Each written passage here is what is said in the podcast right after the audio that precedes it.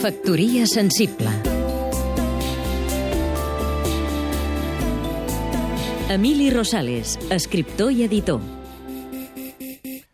A les últimes setmanes de l'any, i també a les primeres, abunden les llistes que es proposen dirimir quins han estat els millors llibres, les millors exposicions o els millors concerts. Sens dubte, són una bona font d'informació per als lectors, per als espectadors, perquè inviten a contrastar les seves experiències recents i els ofereixen una informació condensada o jerarquitzada, en un camp on n'hi ha molta, però sovint massa dispersa.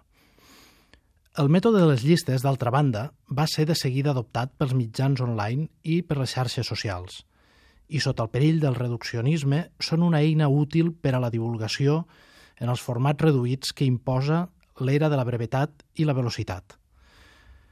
El més interessant, però, és que cadascú de nosaltres, lectors, amants de l'art o de la música, espectadors de teatre o de cine, discutim, eixamplem, reduïm o rebutgem les llistes que se'ns ofereixen – i que creem les nostres sota uns criteris que tant poden ser estètics com completament subjectius. Quins són els millors llibres per llegir un dia plujós? Quins pintors ens agrada contemplar en tornar d'un viatge? Quina música volem sentir mentre conduïm? O quines pel·lícules van transformar la nostra vida? Factoria sensible